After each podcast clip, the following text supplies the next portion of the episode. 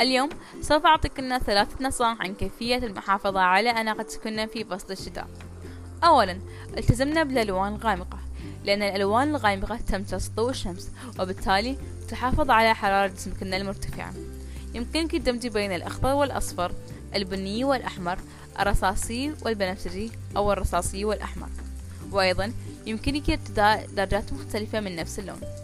ثانيا عند الذهاب إلى المناطق الجبلية أو البر يفضل ارتداء البنطال الواسع لأنه يساعدك على الحركة. يمكنك أيضا أن تضيفي معطف من الصوف لأن الصوف سوف يحميك من البرد. أما بالنسبة للحجاب فيفضل أن يكون الحجاب من القطن لأن القطن سوف يحمي أذنيك من البرد أيضا. ثالثا ابتعدي ابتعدي تماما عن ارتداء الحرير لأن الحرير لا يجدي أي نفعا ضد البرودة. ولا يحافظ على حرارة جسمك المرتفعة.